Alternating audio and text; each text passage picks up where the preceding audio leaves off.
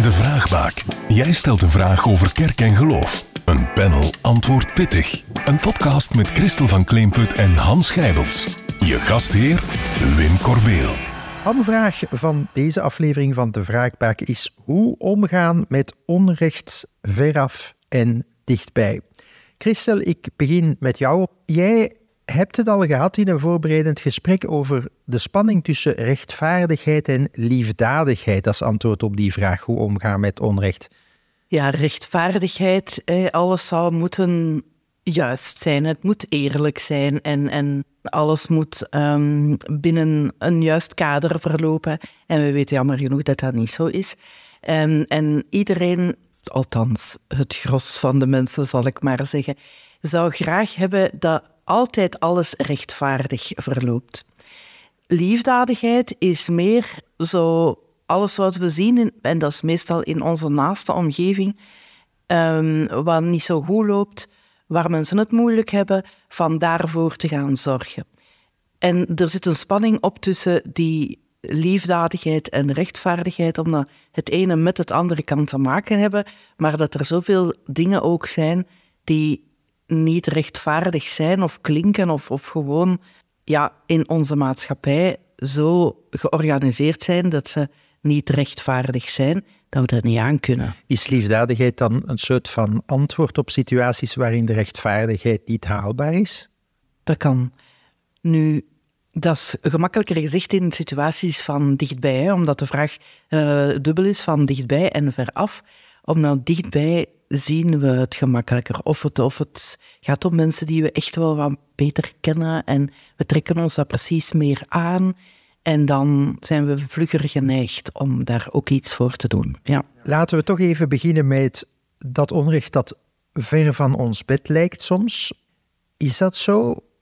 Kunnen wij als christenen bijvoorbeeld heel weinig doen aan onrechtvaardige situaties die op dit moment, het zijn er heel wat, het wereldtoneel beheersen? Wel, dat hangt er een beetje vanaf. Hè.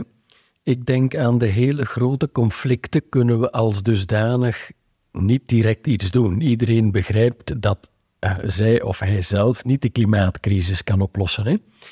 Maar iedereen beseft wel, inmiddels hoop ik, ik kan misschien een heel klein beetje, een, een klein steentje bijdragen, zie je? En misschien is dat kleine steentje zo, hè, zo, zoiets zoals je een steentje in een vijver gooit en, en begint dat kringen te krijgen. Ik heb onlangs het verhaal gehoord van Gina. Gina is een uh, Arabische christen uit Syrië.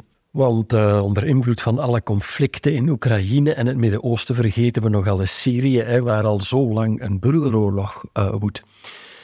En zij is een Arabische christen en zij wenste Syrië niet te verlaten. Zij kon dat, maar het was een heel bewuste keuze van haar om Syrië niet te verlaten.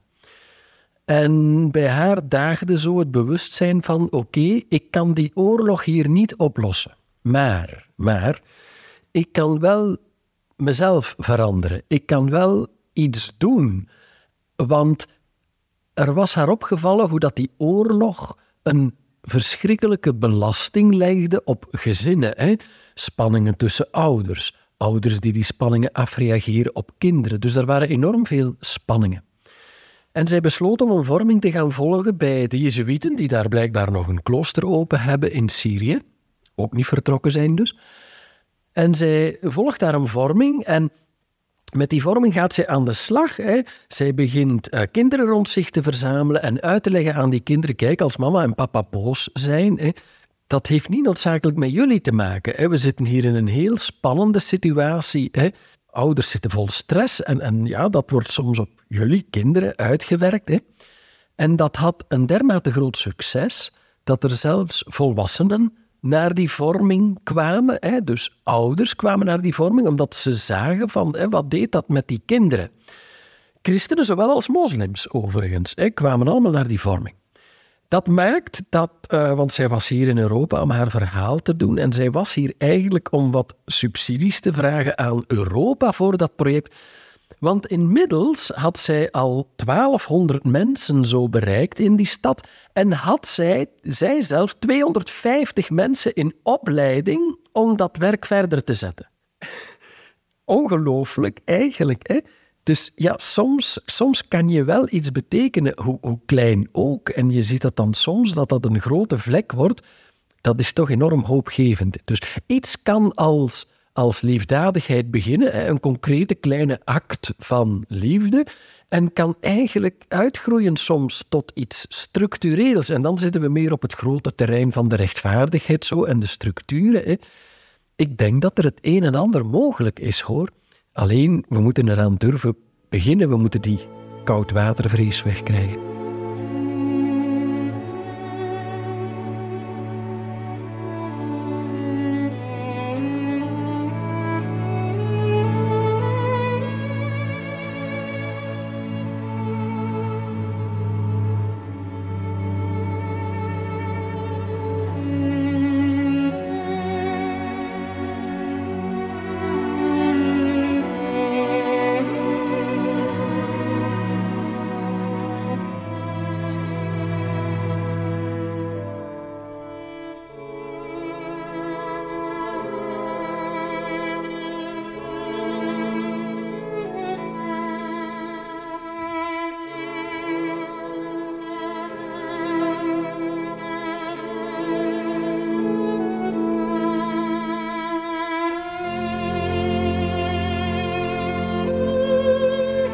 Klinkt een beetje als verbeter de wereld, begin bij jezelf. Christel, herken jij dat ook? Ja, maar in dit voorbeeld is niet zozeer bij, bij zichzelf dat die mevrouw begonnen is, maar in de omgeving waar ze heel concreet dingen heeft opgemerkt. En ik denk het kleine steentje verleggen, zoals het uh, spreekwoord zegt, dat het daarom gaat. En soms, in dit voorbeeld fantastisch, ineens zo, ja, 250 mensen die dit ook willen gaan doen. Dat is dat is fantastisch. We moeten dat niet enkel, niet altijd in ons achterhoofd um, als doelstelling hebben, dat dat zo groot gaat um, uitvallen. Want dan bestaat de kans zo dat we zeggen van, oh, dat gaat toch nooit lukken. En dat we er dan maar niet aan beginnen. En dat is jammer. Ik denk dat alles wat dat er kan gebeuren, moet gebeuren. Dat dat altijd de moeite waard is. En zij het niet voor 1200 mensen, om het bij dit voorbeeld te houden, maar voor die mensen waarvoor het gedaan is, is er iets goeds gebeurd. En doe dat dan maar. Is dat dan opnieuw een kwestie van onderscheidingsvermogen, waarbij iedereen zichzelf de vraag stelt van, ik wil echt wel iets doen, maar ik stel me de vraag ook, wat kan ik doen? Ja, ik denk dat het veel te gemakkelijk is of um, veel te goedkoop is om te zeggen, oh, ik kan daar niks aan doen. En, en dan mensen geraken zo in strikkelredeneringen dan. Hè. Nee, doe gewoon. Er zijn, er zijn initiatieven genoeg voor van alles en nog wat. En dan zien we dat mensen van alles gaan doen. Wafels bakken, uh, snoeppakketjes verkopen, uh, marathons organiseren. Wat dan ook. Mensen zijn blijkbaar heel creatief om allerlei goede doelen te steunen. Dus ik denk, zo bij jezelf zeggen van, ik kan daar allemaal niks aan doen. Je kunt dat eigenlijk niet meer verkocht krijgen. Er zijn zoveel dingen waar je wel iets kunt doen. Doe maar. Dat hoeft allemaal ook niet zo groot te zijn. Hè? Kijk, in deze tijd kan dat al gewoon beginnen met ja, beginnen vriendelijk zijn tegen andere mensen. Je maakt een wandeling, je komt iemand tegen, je kent die meestal niet vriendelijk een goede dag zeggen. Daar begint het al, hè? Dus het zijn, het zijn vaak geen grote dingen. Het voorbeeld van Gina was nu iets. Ja, je zit daar ook in een buitengewone situatie natuurlijk. Hè? Dat heeft tot iets buitengewoons geleid. Maar kleine dingen, heel kleine dingen, kunnen ook tot iets buitengewoons leiden. Uh, mijn vrouw vertelde uh, nog maar pas het verhaal tegen mij. Hè, hoe dat ze dus even zorg had gedragen voor een andere dame door een heel klein gebaar.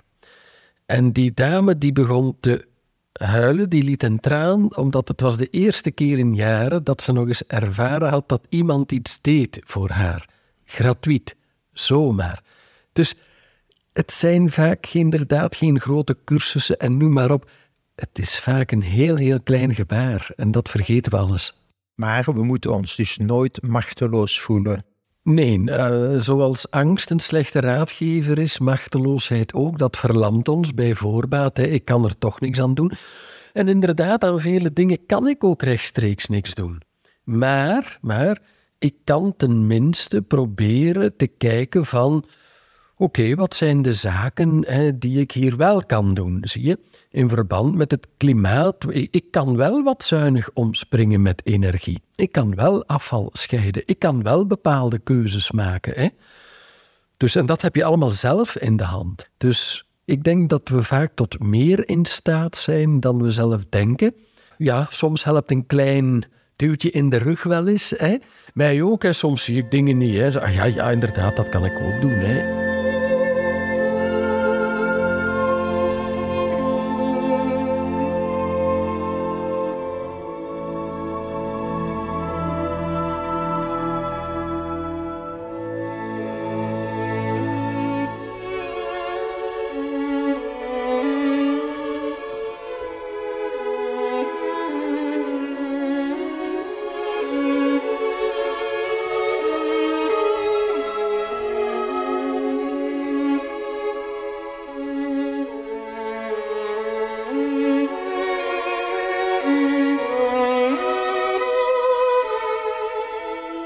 Het is soms ook een kwestie van geduld. Hè? Ik herinner mezelf een dame die ik tijdens mijn dagelijkse wandeling door het park tegenkwam en die me elke dag, toen ik haar goeiedag zei, aankeek alsof ze net vijf kilo verse citroenen had opgegeten, maar die op een bepaalde dag, na heel lange tijd, plots toch een glimlach tevoorschijn toverde. Herkennen jullie dat ook? Soms vraagt kleine goedheid geduld. Ja, ik denk ook ik zei het daar straks al, je moet niet altijd een, eh, een, groot, een groot idee hebben van wat dat uw dingen zullen uh, uiteindelijk bewerkstelligen. Um, of een groot doel voor ogen stellen, want dan riskeert je van ja, ontgoocheld te zijn, van teleurgesteld te zijn. Maar blijf maar die kleine dingen doen. En uh, ja, het is misschien jammer als die mevrouw zo zuur kijkt en blijft kijken. Maar ze zal daar misschien ook haar redenen toe hebben. Hè? En dat is geen reden voor ons om dan te zeggen, ja, dan doe ik het niet meer. Ja, er gaat heel veel geduld mee gemoeid. Goed, en ik denk dat het ook menselijk is dat je soms dat alles opgeeft. Ik denk dat dat ook heel menselijk is. Maar goed, ik denk dat we als christenen, ja, dat is ook een opdracht en dat is ook evangelisch ja, die extra mijl voor ogen moeten houden, hè, waar Jezus op een bepaald moment vraagt van ga toch maar die extra mijl. Ik denk dat we daar echt het verschil kunnen maken. Ook al struikelen we soms zelf, hè, en dat is allemaal heel menselijk, maar ja. En dat brengt mij dan weer naadloos tot een volgende vraag, Christel en Hans. De Bijbel staat uiteraard ook bol van het onrecht. We lezen daar heel veel verschillende verhalen over verschillende vormen van onrecht kunnen wij vandaag de dag iets leren uit de manier waarop God in die verhalen met dat onrecht omgaat? Ja, ik denk dat dat overduidelijk is. Hè? Jezus heeft een, een heleboel revolutionaire dingen gedaan, uh, echt revolutionaire dingen die wij nu niet meer zien, omdat sommige nu deels verworven zijn. Hè? Zoals uh, gelijkwaardigheid onder mensen en dat soort dingen meer. Maar een van die zaken die Jezus gezien had, was dus die, die, die, uh, bijvoorbeeld die absolute geweldloosheid. Telkens wanneer wij onszelf wijsmaken, bijvoorbeeld hè, dat we een beetje geweld mogen gebruiken tegen een groter geweld, blijft die spiraal van geweld gaande, blijft onrecht bestaan. Hè? Roepen we opnieuw wraak op ik denk dat Jezus dat heel goed gezien heeft. Er is maar één antwoord op al die dingen en, en dat is liefde. En dat gaat inderdaad heel ver. Dat gaat inderdaad extreem ver. Kijk maar naar al die christenen in de eerste eeuwen. En later ook in missiegebieden. Mensen die dus voor die boodschap hun leven hebben moeten laten, letterlijk. Hè. Dus dat gaat heel ver, maar ik geloof daarin, ja. Het, het enige antwoord op elke vorm van onrecht of kwetsuren is uiteindelijk liefde. Ja, en eh, tegelijkertijd ben ik aan het denken aan eh, waar we mee begonnen zijn. het onderscheid tussen liefdadigheid en rechtvaardigheid.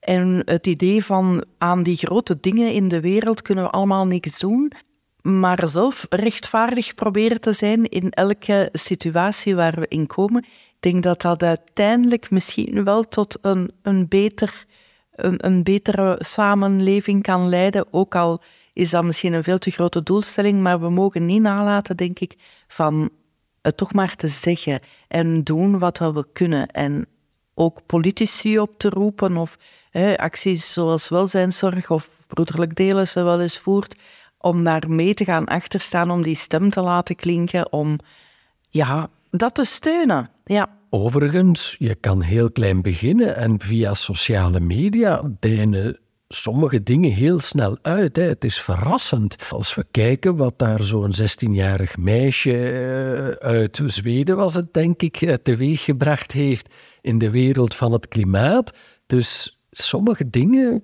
deinen verrassend uit, hè. zoals dat steentje in die vijver. En ja, of dat dat nu één kleine kring is, of dat er dat nu heel vele worden, ja, ik denk dat telt uiteindelijk niet. Belangrijk is in deze, ja, heb ik een beetje bijgedragen, heb ik een beetje ja, deel gehad in die kleine goedheid. Daarmee zijn we aanbeland bij het einde van deze vraagbak en dat is natuurlijk een grove onrechtvaardigheid, maar we zijn zo liefdadig om in de toekomst nog nieuwe afleveringen voor u te verzorgen. Bedankt voor het luisteren. Je luisterde naar De Vraagbaak. Heb je zelf een vraag over kerk en of geloof? Of ken je zo iemand? Contacteer ons dan zeker op wim.corbeel.kerk.net.